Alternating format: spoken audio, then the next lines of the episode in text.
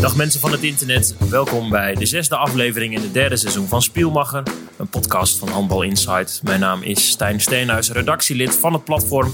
En aan de andere kant van de lijn, jawel, nu komt hij, captain van Oranje, Bundesliga-speler en right wingman Bobby Schagen. Bobby, dag. Dag Stijn.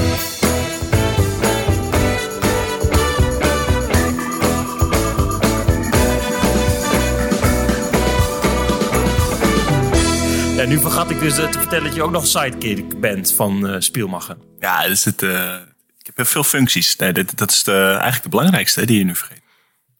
Sinds donderdag heb je nu een nieuwe, namelijk Right Wingman. Zo word jij geïntroduceerd in het nieuwe eh, handbalspelletje voor op de PlayStation, Xbox en de PC, Handball 21. Je bent de juiste man om mee te nemen naar een, naar een club als je vrouwen of mannen wil scoren. Ja, als iemand, iemand nodig heeft om de vriendin van je crush aan de praat te houden, dan eh, ben ik de right wingman. Mooi hè? Er zijn Franse makers van het spel, die hebben dat gewoon lekker lopen vertalen. Right Wingman. Top. Klinkt wel lekker. Weet je wat je, wat je rating is? Hoeveel je, Nee, hoeveel je scoort op het spel? Ik, eh, ik, ik probeerde dat gisteren al bij jou te ontfutselen via WhatsApp. Maar je wilde het mij niet vertellen, want je wilde mijn live reactie hebben in de podcast. Dus ik ben, ik Ja. ben wel benieuwd. Ben ik goed? Nou, Lu- Luc Steins is de beste Nederlander in het spel. Die heeft eh, 77. Kan ik mee leven?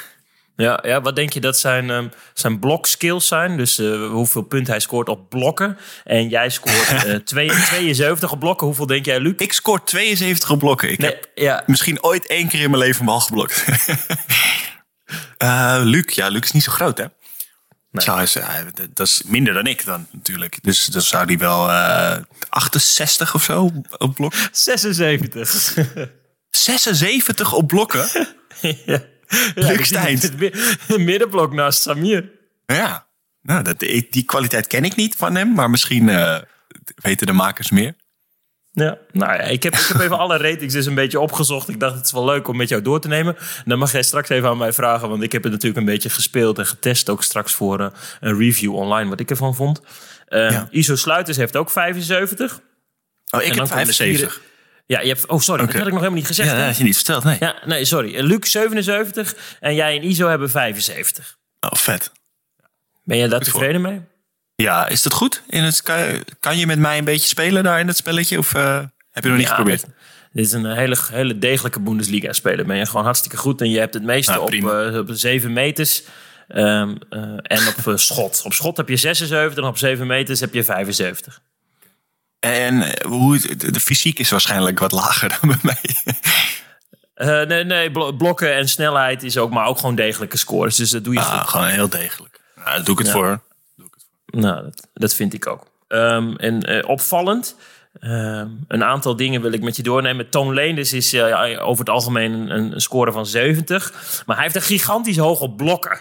Nee, dat is wel logisch. Maar echt, echt eh, exceptioneel hoog.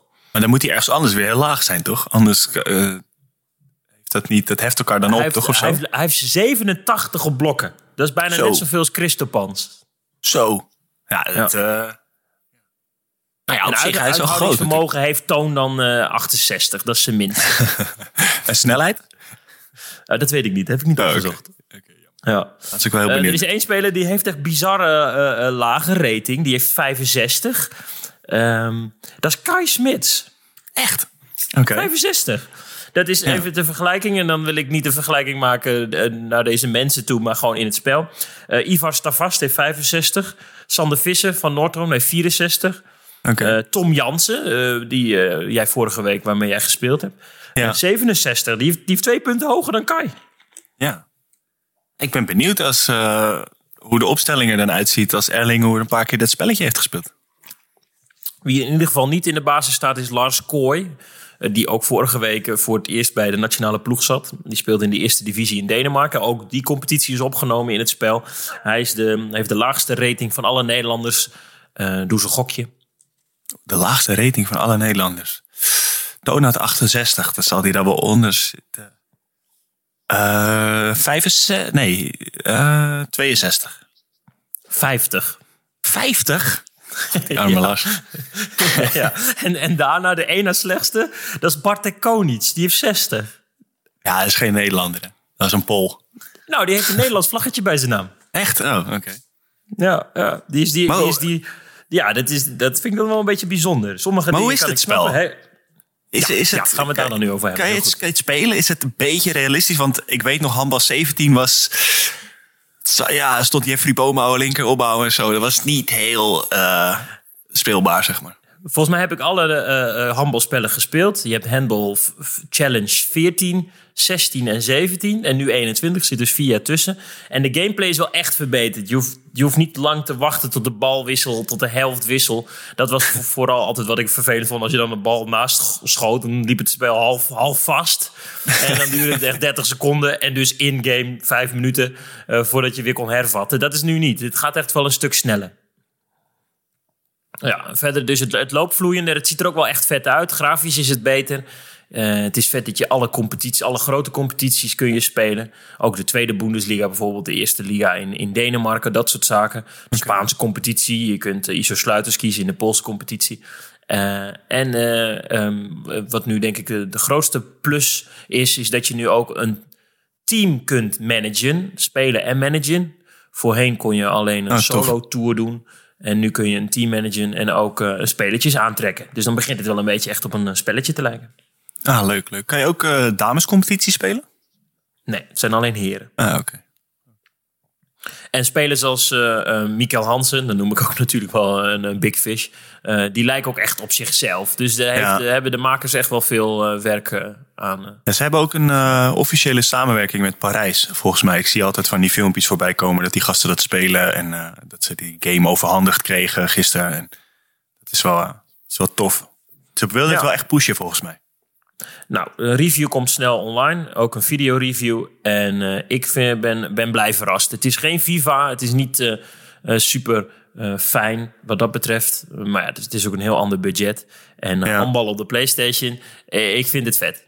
Maar als ik, weet je ook wat zeg maar, de beste speler dan ongeveer voor ratings heeft? Wie, wie is de beste speler in het spel? Mm, nee, ja, ik denk dat het, dat het Hansen is. ik heb het niet opgezocht, sorry. Ja, ja okay. ik heb het niet dan ben ik ook wel...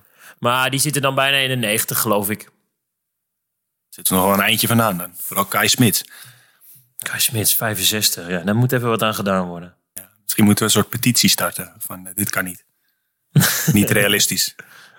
Nee. Um, uh, tot slot, uh, jij hebt vier punten meer dan Dani Baaiens, je teamgenoot en je vriend. Jij hebt 75, hij heeft 71. Ik had gisteren al een uh, appje gehad van iemand dat zijn snelheid 71 was of zo. Dus toen heb, daar heb ik ja, wel een ja. klein beetje mee gepest. Ja, en zijn, uh, zijn 7 meters zijn het minst 68. Kijk, dit ga ik, dit ga ik vanmiddag op trainen vertellen. ja, dat is echt heel, uh, heel goed. Hey Bobby, terug in Duitsland. Nadat uh, vorige week een uh, hele gekke interlandweek was. Uiteindelijk hebben jullie de punten gepakt tegen Turkije. Maar daar praat eigenlijk niemand over. Want waar alle andere EK-kwalificatiewedstrijden zo ongeveer niet doorgingen... moesten jullie wel opkomen draven. En uh, jij had je al ja. in, in, bijvoorbeeld uh, je lievelingskrant... Uh, de Telegraaf volgens mij erover geuit. Um, nee, het ja, was bij het, het ANP. een rare week was, toch? Ja, het was bij het ANP, dus het stond in meerdere kranten. Het leek net of ik aan 16 kranten een interview had gegeven, maar het was gewoon met één iemand. Maar ja, dat, dat klopt. Ik, ik vond het van tevoren natuurlijk al geen goed idee dat we er gingen spelen. Maar ja, er was niet echt veel keuze. Je moet er toch heen. En uh, ik vind het altijd leuk bij het Nederlands team. Daar lag het verder niet aan. Maar ik vond het gewoon niet verstandig om, ik geloof dat bijna iedereen dezelfde mening was, om door heel Europa te gaan reizen in deze tijden. Dus, um, maar er werd niet echt een uh, beslissing genomen door, door niemand. Op een gegeven moment werd wel de wedstrijd tegen Polen afgelast. Maar tegen Turkije gingen we gewoon spelen. Dus ja, er zat niet veel op. Maar het was een, was een chaotisch halve weekje, zeg maar. Uh, voordat we straks naar de wedstrijd gaan, uh, kort, neem ons, eens, neem ons eens mee naar de week. Want dan kom je maandag aan op Papendal. Um, um, ja, toen mocht je nog niet trainen. Nee, Nee, we werden meteen getest. We moesten ons om uh, kwart over acht of zo melden op Papendal. Toen werden we meteen, um, ja, kregen we een coronatest. Maar dat moest een PCR-test zijn. Het mocht geen sneltest zijn. En ja, die moeten gewoon eerst naar het laboratorium. En dat duurt gewoon uh, 24 uur voor een, dat je een uitslag krijgt. Nou, we speelden natuurlijk al op woensdag. Dus we mochten alleen uh, krachttrainen doen op afstand van elkaar en een beetje rondje rennen op Papendal. Dat was het eigenlijk. En dinsdagochtend zouden we trainen. Maar voor de training was er nog geen uitslag. Dus die training werd ook naar achter uitgesteld. En toen, ik, volgens mij kregen we om een uur of half twee of zo smiddags de uitslag. En toen mochten we eindelijk gaan trainen. Dus er was niet veel tijd meer tot woensdag om, uh, om ons goed voor te bereiden op die wedstrijd. Het was, het was heel gek allemaal. Heel je, verwarrend ook. Heb je een groot deel van de ploeg die eerste 24 uur op Papendal wel kunnen spreken? Uh, ja, we mochten wel eten uh, samen. En we hadden ook een meeting, maar iedereen zit twee meter uit elkaar. En met een mondkapje op overal. En uh, op Papendal is het ook wel strak geregeld, ook bij het eten. Dat iedereen ver uit elkaar zit. Dus we hebben elkaar wel gezien, maar echt, echt, echt spreken en contact heb je ook niet. We, we hadden ook allemaal een eenpersoonskamer. Dus ja. ja, het was een beetje... Het was niet zoals normaal, zeg maar. En ook geen ideale omstandigheden, zoals jou roept. Uh, maar 2,5 keer getraind. En er zitten er ook nog jongens bij die actief zijn in de Benelink. Al, al een maand geen wedstrijden spelen. Hoe was dat voor hen? Heb je hen gehoord? Ja, ik vond het. Uh, ik, ik vond dat ze het echt goed deden. Voor, voor jongens die gewoon al vier weken niet. Uh, of, volgens mij hebben ze al twee maanden geen wedstrijd gespeeld. Vier weken niet getraind. En ja, het is voor zulke jongens natuurlijk helemaal raar. Dan moet je in één keer een EK-kwalificatiewedstrijd spelen. En ja, al met al was het, uh, was het echt een chaotische voorbereiding. Bijvoorbeeld Jorn Smits speelt bij uh, Volendam, of speelt niet bij Volendam. Uh, ja. Die is een van die jongens die dan al lange tijd niet in actie is gekomen. Die komt in de tweede helft in. En die, nee, die is een van de smaakmakers. dat is, dat is dan wel leuk, toch? Ja, dat was, was echt super belangrijk voor ons. Hij maakte heel veel doelpunten van afstand. En hij trok ons echt een beetje terug die wedstrijd in. En, ja, dat is, ik vind het echt heel knap als je zo lang niet, geen wedstrijd hebt gespeeld. Maar dat, dat deed hem niet veel. Zoals ik al zei in het begin, uiteindelijk de twee punten naar jullie. Daar leek het de eerste helft zeker niet op. Uh, 6-1 achter, bij rust 10-14 achter. Was het daarna hommeles in de kleedkamer of viel het mee? Nee, dat viel al mee. Het was gewoon, ja, we begonnen gewoon extreem slecht miste twee ballen. We misten nog van de cirkel geloof ik een bal. En we, scoorden gewoon heel moeilijk. En achterin hadden we gewoon echt helemaal geen afstemming. Wat op zich natuurlijk niet heel raar is. Maar ja, het is niet echt fijn als je meteen 8-1 achterkomt. Ja, normaal is dat heel moeilijk in te halen. Maar in de kleedkamer hebben we geloof ik wel afgesproken dat we gewoon punt voor punt die wedstrijd verder moeten spelen. En we wisten ook wel dat Turkije niet een ploeg is die 60 minuten lang uh, uh, een bepaald niveau kan vasthouden. En dat zag je ook wel. Ze stortten op een gegeven moment ook wel echt in. En uh, ja, toen zag je wel dat de individuele kwaliteit een beetje kwam boven drijven bij ons. En gelukkig winnen we die wedstrijd nog op een. Hoe zeg je dat? Een, het was niet echt een mooie, mooie wedstrijd, maar we winnen hem gelukkig wel. En ja, dan hopen we dat er, dat er niemand meer over praat van de zomer. Zullen we eens naar de, de laatste uh, ene laatste acties van, uh, van het duel gaan. Bij 26-26 krijgen jullie met 15 tellen op de klok uh, nog een vrije bal. Allemaal naar achteren zometeen voor Jorn Smits. Belangrijk, 26-26. Het is Kai Smits en naar binnen. Gesmoord en gescoord. Kai Smits. Daar werd iedereen gefopt, inclusief de commentator. Ai, ai, ai. 27-26. Ja, dit is mooi. Kijk, Gukteppen, ja, dit is de, de aardslelijke, o zo belangrijke 27-26. En natuurlijk, Gukteppen baalt. Ja, dat was verrassend. En daarna eh, pakte eh, Bart Ravensbergen andersom uh, nog weer uh, die keerde de inzet van de Turkse ster. En toen waren er twee punten voor jullie. Ja, gelukkig. Ja, ja dat was wel echt fijn. Want, het was, ik had er niet aan moeten denken als we die wedstrijd ook nog hadden verloren ik mocht, die wedstrijd van commentaars voorzien. In die eerste helft eh, was, eh, was nou, zoals we al zeiden, niet, niet sterk. Zo'n tweede helft is dan wel echt heel goed. Jullie maken snel uh, heel veel goed. En uiteindelijk um, win je ook nog. Is dat dan de fijnste conclusie van deze hele gekke week met dubbele gevoelens? Ja, ja ik moet zeggen dat ik persoonlijk had ik wel echt het gevoel na de wedstrijd alsof we maar hadden verloren, zeg maar. Het was gewoon echt niet goed, zeg maar. En vooral van mij persoonlijk was het niet goed. Dus dan heb je zo'n heel raar gevoel. En ik probeerde mezelf de hele tijd eraan te herinneren van... we hebben hem gewonnen, snel vergeten, gewoon door, weet je wel. Maar ik weet niet, het was gewoon... Uh, ja, die hele week en dan zo'n wedstrijd spelen en zo. Het is gewoon, het is gewoon niet ideaal en zo.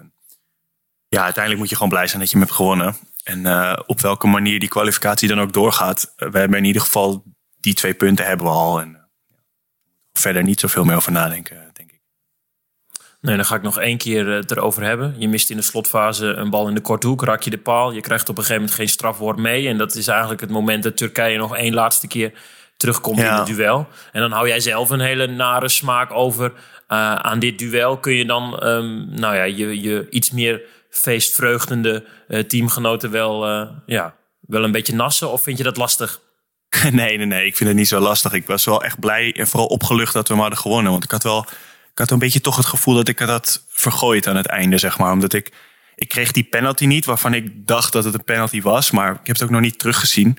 Maar misschien was het wel helemaal niet zo. En nou, het was wel ik... de, de, de, Turkse slager. Het was uh, Mehmet Demirezen die jou in de weg uh, stond. En in mijn commentaar zeg ik dat ook. Ik denk dat je hem had kunnen geven. Ja, ik vind dat hij beweegt terwijl jij ja, instart. En, maar soms is, is het wel... De afdelingsklasse is het al een regel soms is het wel heel anders hoe je het zelf beleeft en als je het dan terugziet, zeg maar. Dus ik, weet het niet zeker. Maar toen had ik heel erg het gevoel van, ook omdat ik in de eerste helft al twee ballen miste, van ik moet het goed maken, weet je wel. Je bent toch een van de belangrijkere spelers en wat oudere spelers. Ik dacht, ja, ik moet dit goed maken. En toen schoot ik ook daarna nog een bal op de paal, heel gehaast. Dus dan denk je van, nee, ik ga het toch niet nu, zeg maar, vergooien. Dus daar baalde ik wel heel erg van. En dat dat irriteert me dan heel erg. Maar toen Bart die bal stopte, had ik wel zoiets van... Ah, gelukkig hebben we die wedstrijd gewoon gewonnen. En uh, uiteindelijk gaat het daarom, weet je wel. Het gaat niet, uh, niet per se om mij, maar het is gewoon... Ja, ik ben gewoon niet tevreden dan. Alleen, ja, dat het ook gewoon weer snel, snel laten liggen. Snel Denk terug aan de, aan de 70 interlands daarvoor... waarin je wel heel goed was.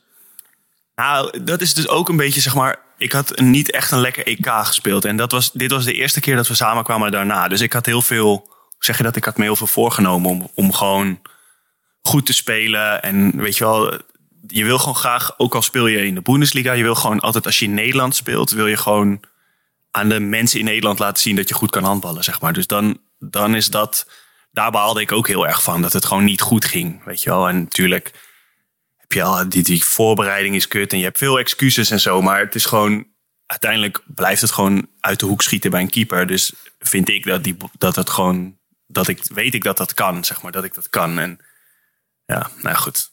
Moet niet, Leg je uh, jezelf er niet te veel druk op?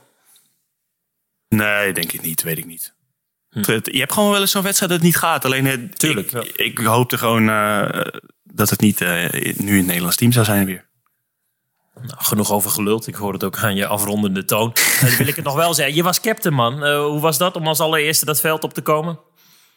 Ja, dat was wel anders of zo. Alleen, uh, we hadden geen vaantjes, er was geen publiek. Dus ik had niet echt het gevoel dat ik... Ik ging gewoon als eerste het veld op. Dat was het eigenlijk. dat is niet heel bijzonder, moet ik eerlijk zeggen.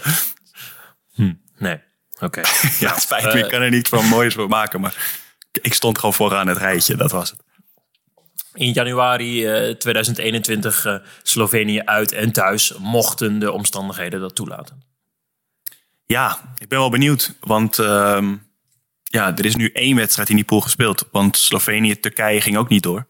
Polen-Nederland ging niet door. Dus ja, achteraf is het helemaal een soort van onzinnig dat we dit hebben gespeeld. Want je kan het ook in de zomer in een toernooivormpje gaan inhalen. Maar ja, dan heb je nu al één wedstrijd gespeeld in, in november. Ja, dit, ja, maar goed is niet aan mij. Jij speelt in de Bundesliga. Uh, daar ook uh, veel, uh, wordt er ook veel gepraat over het coronavirus. Want de Duitse nationale ploeg moest ook uit en thuis spelen. Mm -hmm. En er zijn een aantal jongens positief geraakt. Ja, het is chaos. Het was voor de interlandperiode redelijk op orde. Er waren geloof ik bij Leipzig een paar positieve gevallen. Maar verder in de Bundesliga niet. Ging het eigenlijk altijd goed. Geen één wedstrijd was verplaatst nog. En nu direct na de Interlandweek vier wedstrijden op woensdag verplaatst. En nu dit weekend gaan er weer twee niet door. En het Duitse team heeft geloof ik vier positieve gevallen. En jongens moeten in quarantaine die met die jongens samen in een auto hebben gezeten. En ja, het is chaos. Uh, er gaat nu heel veel niet door. En het heeft, ja, het is, het heeft, ja, waar ze een beetje bang voor waren, dat is ook een beetje gebeurd eigenlijk. Is het tijd voor het nieuwsrondje? Ja, laten we, laten we naar positievere dingen ja, want we, we, hebben op Instagram gevraagd waar we het over moeten hebben. Toen zijn er een aantal mensen uh, dat we het niet te lang over het coronavirus moeten hebben. Dus hierbij een instartje voor. we hebben het even tien minuten over corona gaat hier. ja, hier, instartje positief. Let's go. Yes. Diona House hier, toptransfer naar Odense. Ja, vet. Ja. Die doet het echt wel- goed bij, eh bij Nikobing. Is eh, ehm, in de top 3 van de topschutterslijst van Denemarken. In 12 eh, duels, 77 doelpunten. 21 jaar nog maar. En nu al eh, deze stap naar Mhm. eh, de kampioenskandidaat uit Denemarken. Zij is wel uit het huis, juiste hout gesneden. hè? Ja, het is, het is wel een grote stap omhoog, of niet? Wat, ik volg die de competitie niet zomaar. Wat, Nee, dat hoeveel is, zeg maar, staat van, Nico? van, van middenmoot naar kampioenskandidaat. En Ja, Odense speelt dit seizoen Champions League en misschien volgend seizoen ook wel. Dus ja. compliment. ja, dat is, dat is wel heel gaaf. Ja. Ook goed voor de nationale ploeg daarover na de halftime show natuurlijk veel meer. Want Oranje eh, staat bijna op het EK. Ja. Bobby Luc Steins in eh, de belangstelling van eh, Ja. PSG, Paris Saint-Germain. Dat is Ja, echt vet, hè? eh, werelds. Ja, dat is vooral echt heel vet, toch? Heb je hem nog gesproken Ja. erover?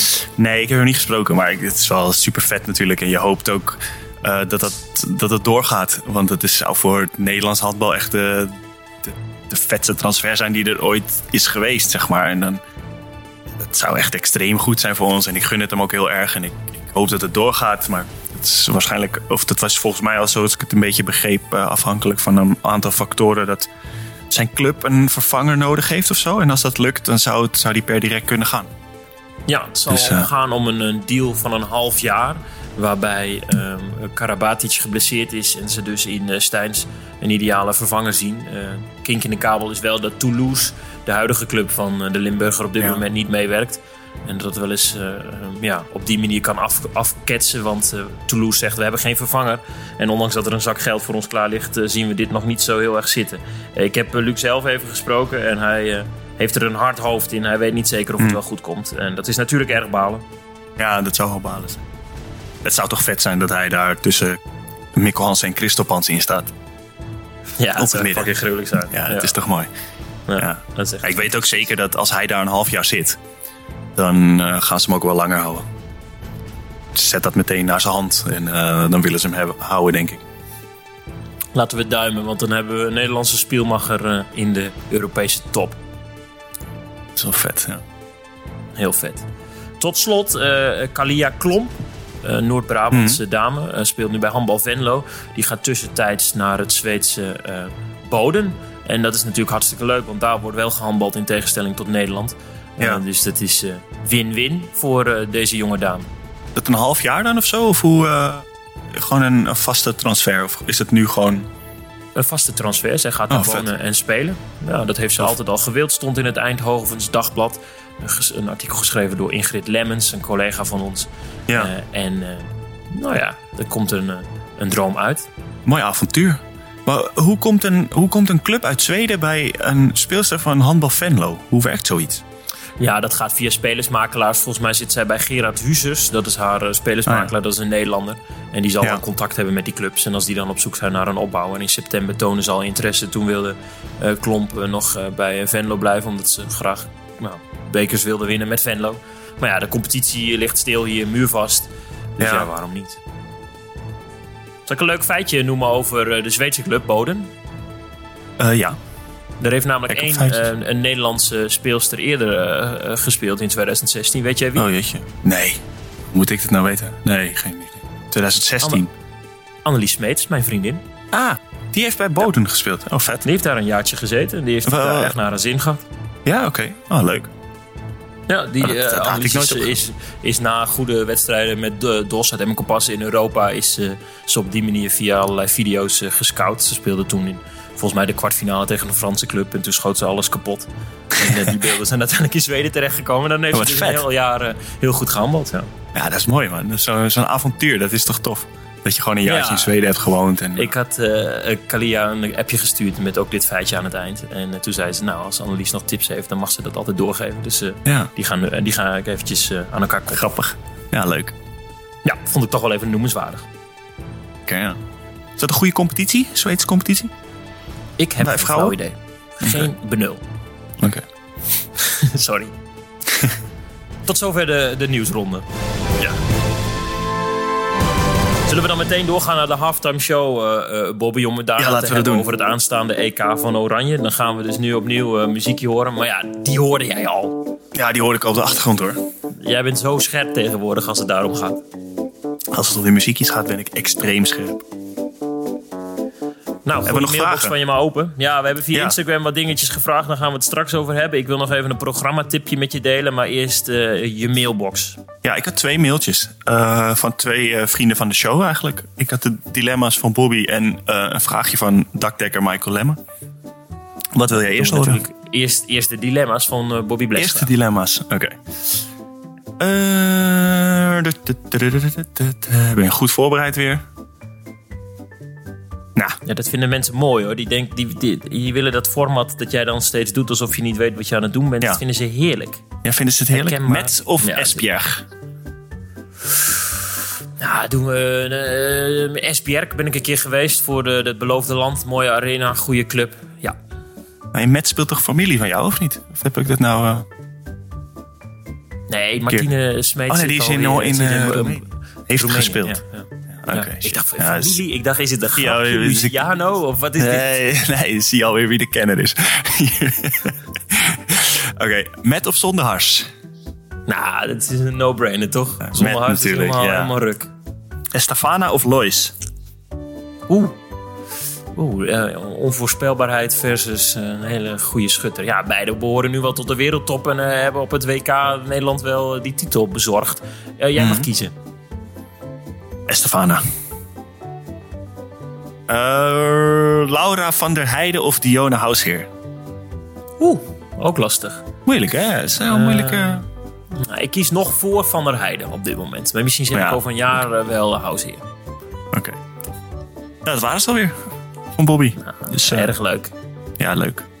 Handen wrijvend nu, dakdekker, let's go. De dakdekker. Hoi Bobby en Stijn, de dakdekker hier. Mooi ook dat hij zichzelf ook, dat hij zo begint. Dat is mooi. Ook heel mooi. Dat, dat- ik denk ook als we deze show over zoveel zes jaar nog gaan maken. En niemand luistert meer. Dat Michael Lemmon nog altijd in een Limburgs, Ja. eh, op een Limburgs voor hem gaan we door. Ja. Door weer en wind zit hij dat te luisteren. Ik ga denk ik ook mensen mailen eh, vanaf nu met de right wingman hier. Ja, dat is echt een hele sterke titel. Ehm naar aanleiding van een bericht op Twitter van je over Andijvie Stampot, waar je behoorlijk enthousiast werd bijgestaan door Aniek Lipman, ook luisteraar van het eerste uur, geloof ik, heb ik twee vragen. Heeft Stijn je inmiddels al een Stampot-pakket toegestuurd? En zijn er typisch Duitse dingen, tradities, gewoontes die je in al die jaren misschien wel onbewust hebt overgenomen? Ga vooral zo door met podcasten. Groeten, Michael Lemme.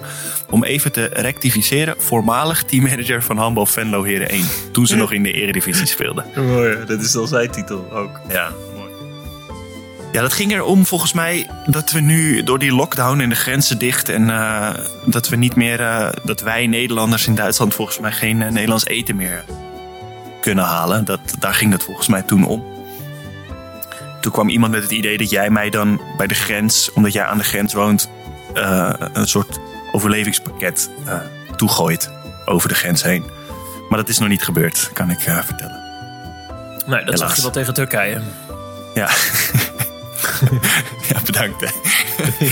Ehm, en of ik nog Duitse gewoontes heb overgenomen. Nou, ik, ik hoop het eigenlijk niet. Ik denk het ook niet. Maar ja, misschien in Duitsland eten ze vaak 's middags warm. Dat doe ik op zich ook wel veel. Dus misschien dat dat, dat dat wel iets is. Maar dat is meer gewoon omdat ik dan daarna nog moet trainen. En gewoon een goede maaltijd nodig heb, denk ik. Of zo. Wat is je meest favoriete Duitse warme prak? Boah. Ik heb echt geen flauw idee. Ik eet meestal gewoon pasta. Maar dat kun je natuurlijk niet echt Duits noemen. Dus Hoe heet het in het Duitsland? Noedels. Noedelen. Ja, goed. Ja. Mooi. Ja. Hey, Ja, in dat de, halftime show is natuurlijk ook ruimte voor niet handbal gerelateerde zaken. Ik ben op dit moment eh, aan het opnemen in mijn huiskamer. En ik hoor steeds eh, kleine hondenvoetjes over de vloer. Dat is van Vis de Hond. Van Vis, ja. Op Instagram, Vis de Hond. Eh, Vis maar vis heeft dorst. Want altijd, eh, vis ziet niet zo heel veel diepte. Vis is eh, niet helemaal goed snik, maar wel echt het schattigste dat er bestaat.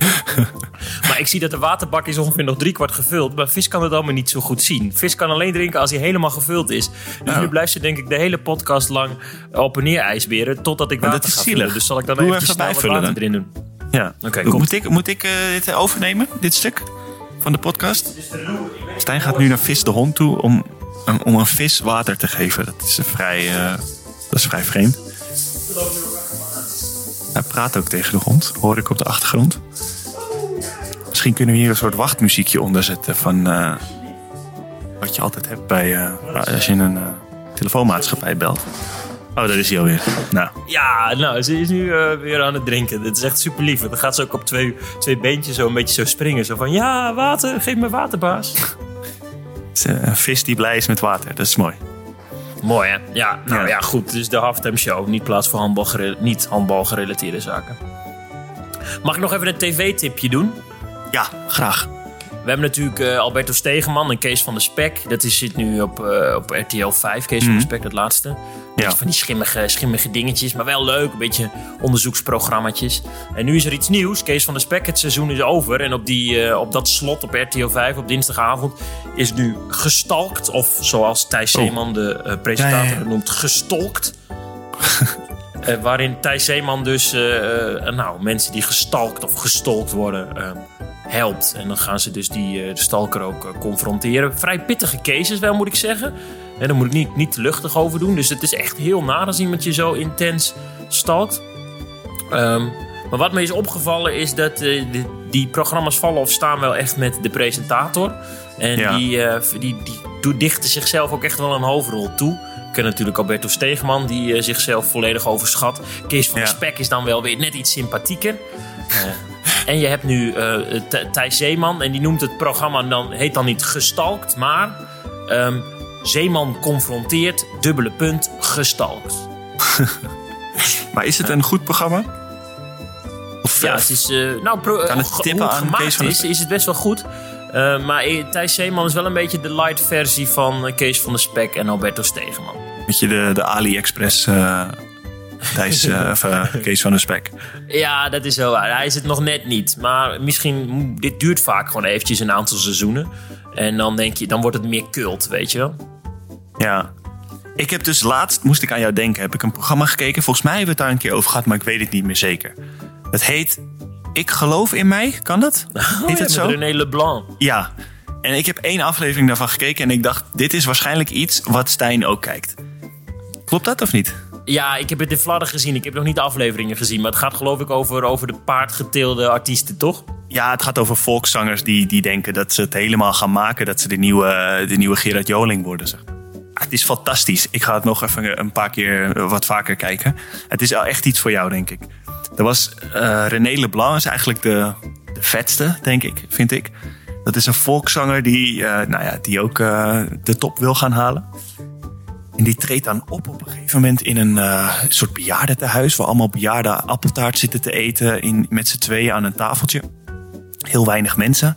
En dan zie je dat hij daarvoor heeft hij helemaal, uit, heeft hij helemaal bedacht dat. Heeft hij allemaal mensen gevraagd of ze zijn CD willen komen uitreiken. Dus echt Mark Gordon, Joling, al die mensen. En niemand kan of niemand wil. Dan heeft hij uiteindelijk heeft hij zover, eh, heeft hij Ronnie Tober zover gekregen dat die dan zijn, CD, zijn eerste CD komt overhandigen. Ronnie dan- Tober. Ja, dat is al schitterend.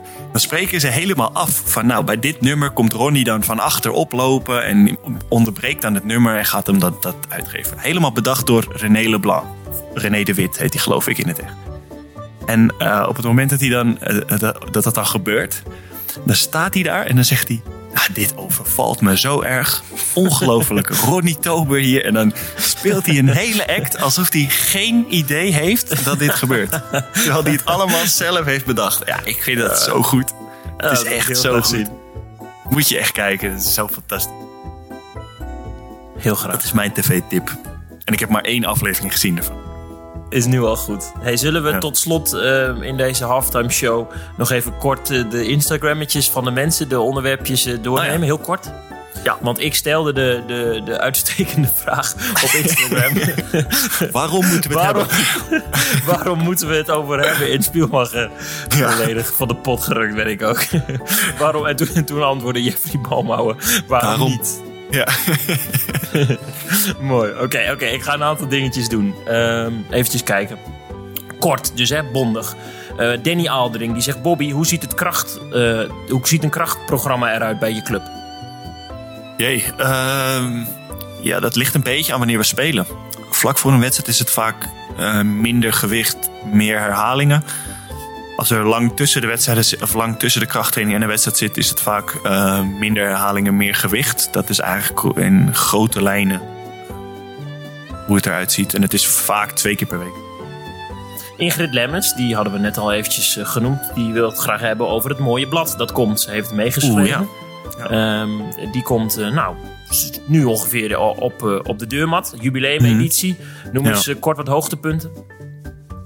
Oeh, interview met Luc en Iso. eh, stuk met onze bondscoach, met Chark de Lange, met Lois volgens mij ook. Eh, Klopt, ja.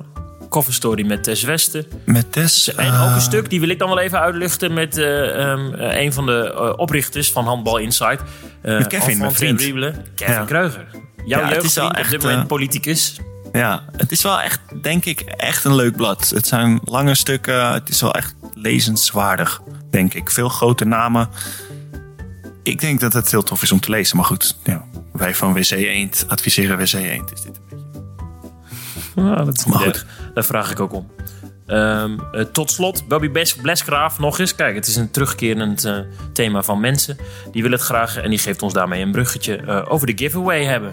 Want we hebben iets weg te geven, want we zijn jarig. Ja, we hebben een hele kalender. We geven elke dag iets weg. Ik neem ah, Ja. van mijn broodjes. Ja, dat is jouw topidee. Iedere dag wordt er iets weggegeven. Dat verloten we dan via onze eh, kanalen. En dan moet je dingetjes doen. En dan kun je eh, shirts winnen van eh, de Oranje Mannen of de Oranje Vrouwen. Of een bal uit Polen. Of wel tof? 21, het spelletje. Ja, da- daarover hebben we het al gehad. Instagram en Joost Verjans wilden dat we daarover gingen hebben. Dat, die belofte hebben we al ingelost. Ehm, en we gaan een paar sokken weggeven aan de luisteraars van Spielmacher. Hoe kunnen ze dat winnen, Bobby? Eh, wat zullen we doen? Zullen we doen... Wie mij het als eerste een mailtje stuurt na het uitkomen van deze podcast, die krijgt een paar Handbal Inside sokken. Lijkt me heel Dus gewoon goed. En dat degene maakt- die het als eerst luistert, die het als eerste hoort. Ja, en die moet dan ook een ludieke vraag daarbij stellen. Dus luister je dit, mail dan naar bobby.handbalinsight.nl. Stel een goede vraag. En de allereerste mailer wint sokken. En dat maken we dan eh, in de volgende podcast bekend. Ja. Het is wel tof, hè, al die cadeaus. Het is wel leuk dat we hadden een beetje zo'n ideetje van... eh, oké, we bestaan vijf jaar, laten we mensen trakteren. Een paar appjes gestuurd naar vrienden van de show... en iedereen reageerde, ja, je mag mijn shirt weggeven, je mag dit weggeven. Vind ik wel heel cool. We hebben bijna elke dag wel een eh, vette prijs. Ja, veel eh, credits voor jou als bedenker en uitvoerder. En de, de grafische styling is natuurlijk van technicus Jasper. Ja, dat is wel leuk. Sommige dingen zou ik ook zelf willen hebben, maar dat, dat is wel een beetje lastig. Ik heb hier een shirt van achter- Fabian van Olven Ik- ik, liggen. Ik, wil nu... Ik wil, je gaat nu alweer door mijn, eh, door mijn afronding heen. Ik ken het toch. Tot zover de Halftime Show. Het segment in eh Spielmacher, de podcast van Handbal Insight... waar ook ruimte is voor niet-handbal gerelateerde onderwerpen, luisteraarsvragen en vis de hond. Heb je nou een luisteraarsvraag of wil je de sokken winnen? Eh, dan moet je nu nog heel snel zijn. Stel een goede vraag, mail naar bobby.handbalinsight.nl en luister vooral naar deel 7 in dit derde seizoen. Het EK komt eraan, Bobby, voor de Oranje Dames. Eh, op 4 december opent de ploeg van Mayonade eh, het eindtoernooi in Trondheim. Hoogstwaarschijnlijk tegen eh, poolgenoot Servië. Heb je de EK-selectie gezien, terug van 35 naar 18? Ik had hem gezien, ja. Nou, we hebben al even uitgelicht online wie er niet bij zitten. Bijvoorbeeld uh, Kim Vollebrecht niet, Jaren ten Holte niet, uh, Zoe Sprengers niet, Nieke Groot niet. Nieke Groot, Die uh, ja. nog eventjes ertussen sneakte. Uh, Marjonade had haar toch op de lijst gezet. Ondanks dat ze had gezegd, nou op dit moment ben ik niet beschikbaar. Maar je moet op de lijst staan, wil je uh, mee kunnen doen aan het EK. Dus hij dacht anderhalf maand van tevoren, ik zet het toch even op. En dan gaat de hele mediawereld uh, daar weer op springen. ja, zoals de mediawereld is. Hoe had je het verwacht? Dat, uh, had jij gedacht van, ah, die gaat wel mee? Of hoe had jij... Had jij nee, al dat hadden we ook al eens gezegd. Hè. Ze, ze had er even niet zo'n trek meer in. En natuurlijk mag hij haar op de lijst zetten. Dat schijnt zij ook tegen hem gezegd te hebben. Ik ja. denk niet dat ze, dat ze nog terugkeert. Dus moeten anderen het doen. Marjonade ja. had vooral uh, een zware taak om Polman en Omega te vervangen... die geblesseerd zijn en niet, die niet in actie komen op het EK. Mm -hmm. Nikita van der Vliet is nieuw. Cirkelloopster heeft al een aantal interlands gespeeld. Die gaat mee naar Trondheim. En ook een debutant, Bobby Harma van Krij. Uh, een uh, Limburgse opbouwspeler van het uh, Sloveense RKK ja. Mercator. Heb je het interview met haar online gelezen? Heb ik gelezen, website? ja. Ja, echt een leuk stuk. Uh, ook wel echt een apart verhaal of zo. Gewoon iemand die je eigenlijk helemaal niet kent, waar je nooit van hoort, die nooit in de Nederlandse top heeft gespeeld, ook niet bij de bekende buitenlandse ploegen, zeg maar. En dan naar Slovenië gegaan is. En nu uh, zonder één A-interland meegaat naar het EK. Dat is wel, het is best wel apart, toch? Of niet? Zeker apart, ja. En eigenlijk is het heel mooi, want hard werken wordt dan beloond. En ze heeft uh, de gewaagde stap naar Slovenië gemaakt. Toen vanuit uh, Borussia Dortmund, dat toen nog een grijze middenmotor was in uh, 2019 in Duitsland. En daar is de Champions League gaan spelen in Ljubljana. En doet het daar hartstikke goed. Getraind, veel gespeeld, vertrouwen gekregen. En nu is ze daar gewoon een van de van de nuttige krachten. Niet zozeer dragende krachten. Ze is niet spektakel, zegt, zegt Mayonade ook bij ons op, uh, op de website. Maar ze is wel ernstig nuttig. Uh, goed in de 1 tegen 1. Uh, legt de bal vaak genoeg door. We kunnen haar niet als stuntdubbel van Polman zien. Maar wel als extra smaakje. En ik ben erg benieuwd. Het is wel leuk. Dan speel je je eerste land meteen op een EK. interland meteen op een EK. Ja, wel gaaf. Ja. Echt wel heel, een heel tof verhaal. Ja. Ja, goed verhaal van, van haar. Goede teksten en een voorbeeld voor anderen. Je hoeft niet altijd in de spotlight te staan om uh, uiteindelijk te belanden waar je wilt zijn. Uh, zitten er voor jou uh, als kenner verrassingen in deze selectie? Bijvoorbeeld, bijvoorbeeld zij? Of, of had je wel zoiets van, nou ja, spoeling is een beetje dun, dus ik verwacht wel dat ze meegaat. Ze doet het goed in de Champions League. Of, of is dit voor jou een logische selectie?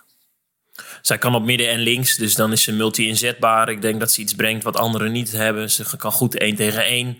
Uh, ze is wat meer ervaren. Ze legt die bal door. Dus ja, dat is zeker wel.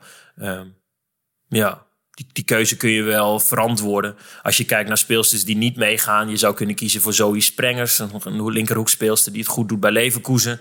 Uh, is nog jong. Maar Jonare kiest dan toch voor, uh, voor Martine Smeets met ervaring en Bo Wetering die het ontzettend goed doet, ook in de Bundesliga en al heel goed bij Oranje. Ja, dus, Dus, dus, dat kun je wel voorstellen. Hetzelfde geldt voor Kelly Vollebrecht die het goed doet bij Dortmund in de Bundesliga.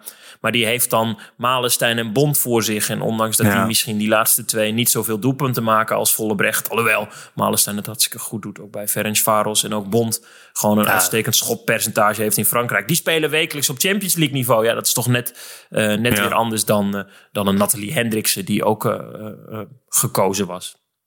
Ja, dus dit is wel de, de meest. Dit zijn wel de logische namen die nu meegaan. Ja, als je kijkt naar wie, wie, wie, wie meegaat, dat kun je allemaal best wel. Uh, ja, had je best wel kunnen met potlood kunnen noteren.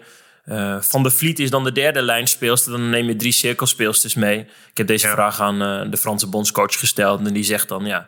Van de Vliet is net even iets anders dan Snelder en Freriks. Die zijn, lijken wat meer op elkaar. En Van de Vliet heeft wat meer snelheid. Uh, dus ja, dan heb je uh, toch een ander type speler op de lijn. En ze doet het ook goed bij uh, Nico Bing, was de teamgenoot is van uh, Househeer. dus dat is een mooie keuze ook voor de toekomst. Als ik op dit moment kijk wie dan niet mee, mee is genomen, denk ik dat uh, Mayonade een, een, een logische achttiental meeneemt naar Trondheim. Ja, hij heeft natuurlijk door die blessures ook niet echt een hele, hele moeilijke keuzes die hij moest maken, of wel? Wat voorheen natuurlijk wel altijd een beetje het geval was. Nee, ik denk als Omega en Polman er niet waren, dan, uh, er wel bij waren, dan waren Van Krij en, uh, en Van der Vliet nu niet meegegaan. Um, ja, voor de rest lijkt het in grote lijnen op de WK-selectie voor vorig jaar. Oké. Okay. Nou, spannend. Dus ja, is spannend. 4 december begint het tegen Servië. Daarna Kroatië en Hongarije. En zoals we al in zeiden, de top 3 gaat door naar de hoofdfase. Waar er dan gekruist gaat worden met Pool D. Met daar onder meer uh, Roemenië en Duitsland dan, en Polen. Dan begint het echt. Ja. ja, waar gaan we spelen? Dat is nog de vraag, hè, las ik. Dat is, ja, in, in, in Noorwegen, Noorwegen, zijn andere regels dan Denemarken. In Denemarken mag net wat meer mensen op de tribune. En hoef je ook niet uh, uit het toernooi als je tegen een een team met corona hebt gespeeld. Daar uh, dat wordt is wel raar, over gediscussieerd, hè? Ja, dat is wel vreemd. Dat je zeg maar naar huis moet als je een geval in je eigen selectie hebt, dan kan ik inkomen. Maar dat je dan dat, dat je dan in één land als laatste tegenstander ook naar huis moet en in een ander land niet, dan heb je dus een soort van geluk dat jouw pool in Denemarken is. Omdat je dan dat, niet tegen dat soort regels aanloopt. Dat is vreemd. In een toernooi moet je wel overal dezelfde regels hebben, lijkt mij. Daar wordt dus inderdaad over gediscussieerd. En daar komen ze op 17 november. Um, dat is over een aantal dagen. Als je snel luistert en anders is het misschien al geweest. En heb je het al online bij ons gelezen. Komen ze daarop terug. Denemarken, de Deense bond, heeft al gezegd... als het moet kunnen wij uh, alle wedstrijden organiseren. Maar dan moeten we dat wel uh, moeten we dat even weten. Dus als je, als je wil dat, uh, dat er met meer mensen langskomen... stuur even een nepje. we spelen over 2,5 week, dus laat het even weten. Ja, ja maar dat is ingewikkeld, joh. Dat wordt ook een gek toernooi natuurlijk. Niemand Ja, op de tribune of nauwelijks mensen op de tribune. Je bent heet het in die stomme Ja. bubbel. Eh, hele nuttige bubbel daar niet van. Maar het is natuurlijk, we zijn allemaal wel eventjes klaar met al, al die restricties. Ja, echt vreemd hoor. Geen publiek op de tribunes of weinig. Ja, dat is niet. eh, het, het wordt een stuk minder leuk, denk ik. Mayonade hoopt op een medaille. Oh, nou, dat, is, dat zijn uitspraken. Bobby, we zijn bijna bij eh, het laatste onderwerp. Ik wil het nog even hebben over dat we jarig zijn. Handbal Insight bestaat vijf jaar. We ja. hebben dus die giveaway actie. Eh, Vijf jaar. Ik wil toch even uitlichten. Jij bent international. Ehm, je speelt al een aantal jaren in de Bundesliga. En je bent in 2015 samen met Kevin Kreuger op dit idee gekomen. Ehm, vanuit, ja, ik denk handbal in Nederland eh, valt je dat, eh, staat je te prijzen. Ehm, waarom ben je destijds begonnen? Ben ik wel benieuwd naar. Waarom dacht je, ik moet me inzetten voor handbalsport... en moet online meer komen aan berichtgeving, zoiets? Ja, ik weet het eigenlijk niet. Ik, ik, ik ben altijd wel geïnteresseerd geweest in, in media dingen en hoe je verhalen vertelt. En, en ik, had altijd, ik vond altijd al dat, dat in Nederland weinig aandacht was voor handbal. Zeg maar. Terwijl het gewoon echt een. Nou, dat hoef ik niet uit te leggen dat het de mooiste sport is die er is. Maar ik vond gewoon altijd, er was weinig te vinden. Je, en er waren zoveel mooie verhalen van spelers in het buitenland die het heel goed deden. Eh, dat, wat je nooit kon lezen. Je had handbal startpunt, maar dat, dat was het, zeg maar. Die deden heel goed werk en doen het nog steeds. Maar dat, dat was het toen de tijd. En Kevin zei toen een keer tegen me... Wij hadden daar altijd heel veel gesprek over. Kevin zei toen een keer tegen mij van... waarom beginnen we niet gewoon eh, een andere website... en kijken we gewoon eh, of we Ik dat denk dat groot Kevin kunnen het maken. wel op een andere toon zei. Zo van, eh, verdorie, en eh, waarom kan Ja. dat nou niet? En, We gaan het wel zelf doen. Zoiets. nou, toen, toen dacht ik van ja, dat, daar heb je toch journalisten voor nodig. Ik bedoel, ik, ik kan niet echt schrijven. Dus toen, maar toen zei hij, nee, dat, dat, dat gaan we wel regelen. En toen zijn we eigenlijk gewoon een beetje begonnen, niet wetende waar we aan begonnen. En ik speelde toen volgens mij bij Lübeck. Ik had veel tijd tussen trainingen en zo. Ik was daar in mijn eentje, dus ik wilde wel meedoen. En toen heb eh, ik kende jou, heb ik jou benaderd. En eh, ja, om het heel snel te... Nu zijn we hier, zeg maar. ja. Nu zijn we hier. Ja, dat is mooi. Vijf jaar verder. eh, op de socials blijven we groeien. Dat is hartstikke fijn. Volg ons ook vooral op Instagram en, en Facebook. En we zijn nou, toch wel dankbaar ook voor de mensen die ons blijven volgen. En ook de, de podcastluisteraar. Dat ze ons weer twee wekelijks een uurtje Ja. kunnen pruimen. Hoe lang bestaat de podcast eigenlijk al? Zat ik net aan te Eh, denken. November Is dat 2018, dus eh, twee jaar. twee jaar? Oh, Nou, ook wel lang. Nou ja, en ons luister eh, een aantal is gegroeid en mensen Ja. blijven terugkomen, dus dat is leuk. En de, de podcast met gasten worden ook goed beluisterd, dus we blijven beloven dat we gasten blijven strikken Mm. voor, voor de podcast. Heb je nou een, een tip wie we moeten hebben in de podcast, mail dan ook vooral naar bobby.handbalinsight.nl. Ja, dat is wel leuk. Dat mensen laten weten wie ze graag aan het woord willen. Ik kan me voorstellen dat ze ook wel een beetje genoeg hebben van ons twee. Dus dan is het leuk om eh, het is laten weten wie, wie moeten wij nou uitnodigen. Ja, en aan de andere kant, dan, eh, dan doen we het gewoon voor de dakdekker met z'n tweetjes. Dat sowieso. Ja. Ja, blijven we dat blijven we gewoon doen. anders naar luisteren daar op het eh, Limburgse Op het dak. kapelletje. Ja. Mooi. Veel meer over ons vijfjarig bestaan in het magazine dat we al noemden. Onder meer met de column van Bobby. En en dus een interview met Kevin Kreuger. Eh, Maar, een van de ik wil nog even van Handbal Insight. daarop op terugkomen, zeg maar. Want je hebt natuurlijk hoeveel berichten. Ik heb dit opgeschreven, dit, dat ik dit aan jou wilde vragen. Hoeveel berichten denk jij dat Oh, je hebt geschreven in vijf jaar Jij op weet een handbalwebsite? Nee, ik weet het niet. Nee, nee dat, moet- dat moeten hoopte er dat jij het opgaf. geweest zijn. Als je ervan Ja. uitgaat dat we iedere dag zo, sowieso één bericht hebben. En, eh, en heel vaak eh, vier, vijf. Ja, dat, eh, dat telt wel op. Eh, we hebben in die vijf jaar iedere dag iets gepost op onze Facebookpagina. Zodat we zichtbaar zijn, zodat we nieuws zijn, zodat we aanwezig zijn. Eh, ik vind als nieuwswebsite moet dat. Je kunt niet zeggen, Ja. we doen een weekendje niets. Want dan is het oud nieuws en dan gaan mensen naar een andere bron. Wij zijn er voor het handbal, dus we moeten onze nek uitsteken voor die sport. En dat doen we door middel van bij de tijdse en snelle berichtgeving. Al sla je me dood, Bobby Schagen. Maar ik ben dankbaar Nee, ik weet dat je me gevonden een hebt. Want eh, dit is Ja. het project van mijn leven. Samen met jou en ook Jasper. Eh, heerlijk, man. Is voor jou eigenlijk. eh, wil je dit nog vijf jaar doen, zeg maar? Hoe heb jij daar, denk je daarover na of zo? Of heb je Ja, zoiets dit- van, dit- dit, dit wil ik moet een soort en- opstapje worden naar iets om- anders? We moeten er ook niet om liegen. Eh, het gaat er ook om dat we hier een beetje geld mee verdienen. En dat staat totaal niet in verhouding met wat, de hoeveelheid werk die we doen. En we merken wel Nee. dat eh, we betrouwbaar zijn. En dat partners eh, ons steeds meer weten te vinden. En ook ons werk wel kunnen waarderen. En, en wat we uitstralen en wat we kunnen maken. Dus ik hoop dat dat blijft groeien. Zodat we onze uren nou ja, ook een beetje kunnen laten uitrollen in geld. Want nou ja, hoe je het ook bent of verkeerd. Er moet een boterham op de tafel. Vanochtend waren dat bij mij... Oh, dat, eh, eh, croissantjes. Zeg jij als je bij de bakker bent en je moet zeggen... Want op een gegeven moment ging ik erover nadenken, omdat ik moest wachten. Eh, drie croissantjes of drie croissants. Wat zou jij zeggen? Croissantjes. Ja, croissantjes is natuurlijk wel dat, echt, echt, wel een, echt wel een Nederlands verbasterd woord, hè? Croissantjes. tuurlijk. Ja, ja, croissantjes. Tuurlijk. Maar die komen, die komen niet uit de lucht vallen. Dus het moet wel, eh, moet wel een beetje geld achter zitten. En dat blijft groeien. Maar we moeten ook eerlijk zijn, eh, Bobby S., dat het daar nog niet is waar we willen dat het is, eh, de commerciële kant. Dus eh Natuurlijk we niet, moeten blijven verbeteren. Zou- zie je jezelf dit nog doen? Eh, nog vijf jaar? Ja, we zeggen wel eens, het allerliefst doen we dit natuurlijk eh, ehm, bijna fulltime eh, in een mooi, mooi kantoor. dat we dan kunnen aankleiden, waar we mensen kunnen ontvangen, waar we podcast professioneel kunnen op, opnemen, waar we meer video's kunnen opnemen, Ja. editen. Dat, zou, dat is natuurlijk de droom, hè? het Handbal Insight kantoor. Daar is handbal, handbal denk ik iets te klein voor in Nederland. Dan moeten we misschien eh, andere sporten erbij gaan nemen. Nou, toch denk ik daar één keer per week toch aan met jou of met Jasper op een kantoortje. En dan eh, kun jij natuurlijk, de helft van de tijd kun je er niet zijn. Het is, is, is niet erg. Maar Zo'n leeg mensen kunnen, wat daar de hele tijd kunnen staat. ontvangen. Ja, ja. We krijgen wel eens Ja, toch van mensen die zeggen... kan ik een keer op kantoor komen? Ja, we hadden laatst nog iemand die wilde bij ons stage lopen. Die moest twee keer in de week en die vroeg waar ons kantoor was. Ja, ik weet het niet. weet jij het? Weet jij het adres? ja, eh, de, de Cloud 12 denk ik. ja, ja, precies. Ja. Ja, Internet. mooi. Twee. Nou, tot zover. Nogmaals, ik eh, verwijs naar de, de jubileum-editie van ons magazine. Word vooral abonnee. Ja, zeker. Tot slot, Bobby, eh, geen tweede divisie. Dus geen geluid uit de tweede divisie. Al zijn we afgelopen woensdag gestart met op anderhalf meter in tweetallen in de open lucht. Onder leiding van onze hoofdtrainer Sven Hemmes. Werken aan conditie. Van, van de groep van 16 jongens, hoeveel waren er, denk je?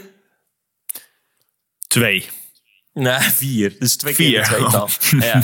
Dus dat is natuurlijk helemaal ruk. Want dan eh, is het wel lekker voor jezelf. Maar de rest van de ploeg eh, zit met een bak chips misschien wel gewoon op de bank.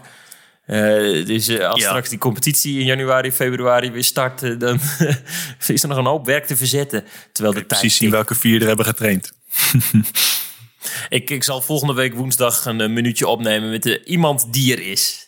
Ja, ja leuk. Maar ik wil toch, wil toch eindigen met een geluidsfragment. En ehm, ik hield jou deze week al op de hoogte. Ik ben voor RTV Drenthe bezig met een nieuw programma. Ik ben freelancer en zij huren me dan in. Ik coördineer een nieuw sportprogramma in sportloze tijden. Het heet Met het bord op schoot. En daarin terugkerende rubrieken over alles eh, in de, de Drentse sport. Waaronder een rubriek over- hè? Ja, ja, ja. Een ja. rubriek gesproken. Over, eh, eh, over bijnamen. Ehm, de beer van Zwarte Meer. Over wie heb ik het dan? Ja, dat kan er maar eentje zijn. Ik Ja. weet niet of ik zijn naam goed uitspreek, maar Gintaris Cibulskas? Cibulskis? Ja, ja, ja. Kas? Gitaras Cibulskis, oud cirkelloper Cibulskis. tussen 2012 en 2016 van Hurry Up. Een legende. Met- Er gaan ongetwijfeld een hoop belletjes rinkelen nu bij de luisteraars. Eh, ja, dat is die kolos op de lijn in het oranje van Hurry Up. Ehm eh, Litouws International ook. Ehm, was, werd daar publiekslieveling. En die werd de Hele aardige Meer gast, genoemd. hè, ook. Mega aardig. Echt Ja. een toffe guy. En ehm, voor eh, Met het bord op schoot, het programma, ben ik eh, op zoek gegaan naar de bedenker van de bijnaam van de beer van Zwarte Meer. Als mensen benieuwd zijn naar wie dan de bedenker is, kijk vooral de uitzending op zondagavond. RTV Drenthe komt ook al- allemaal online.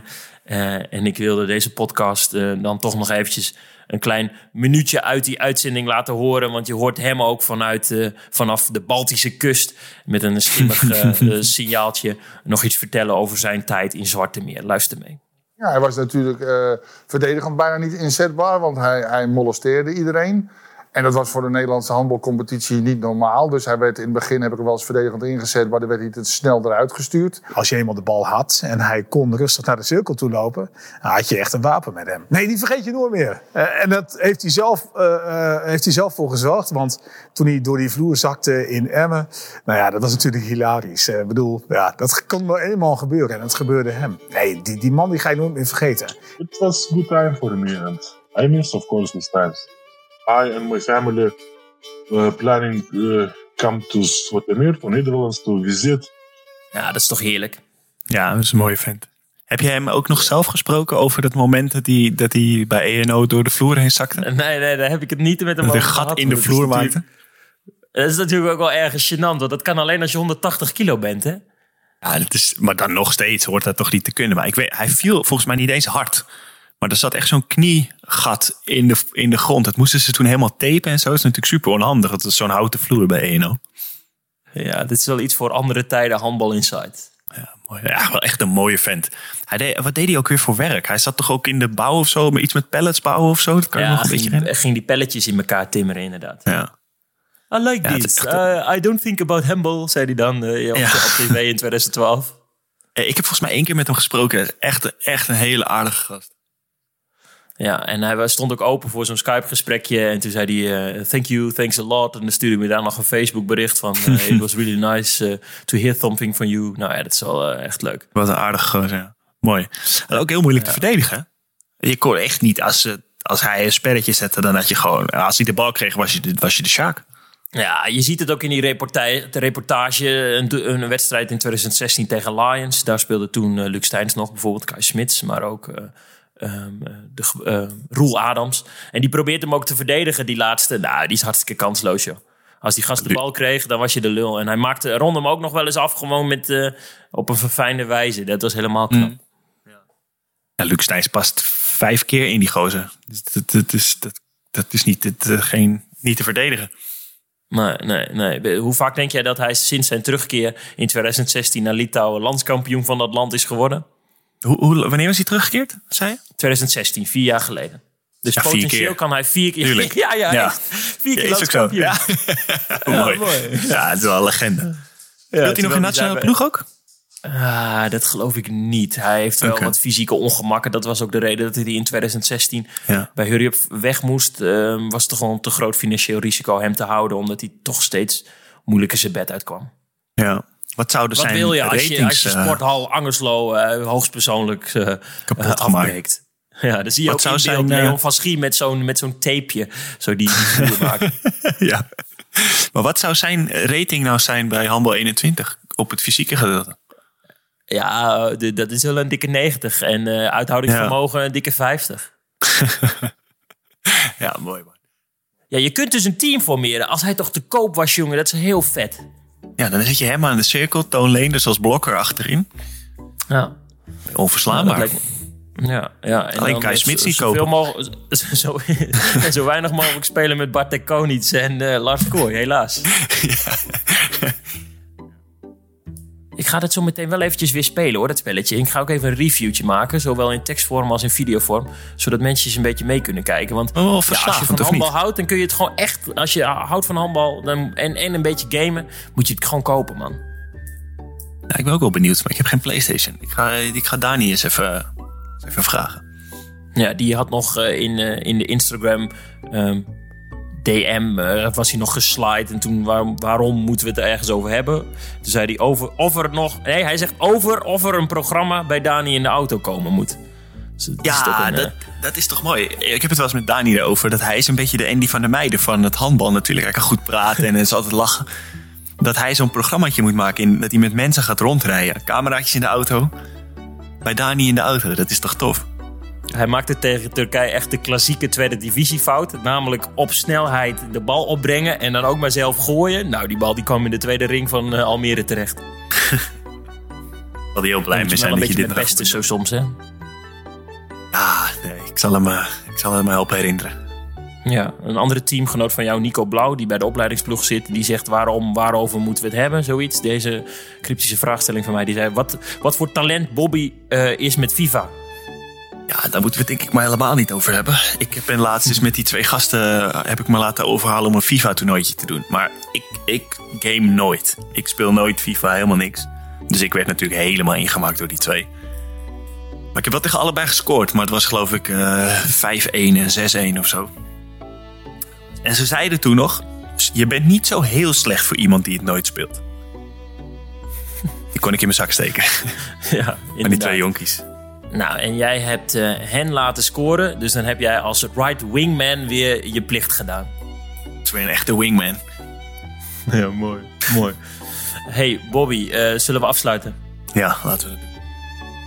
Ik wil de luisteraar graag bedanken voor het luisteren naar de zesde aflevering in de derde seizoen van Spielmacher, een podcast van Handbal Insight. Heb je nou een luisteraarsvraag, onderwerpsuggestie of wil je de sokken winnen en heb je dat dus nog niet gedaan?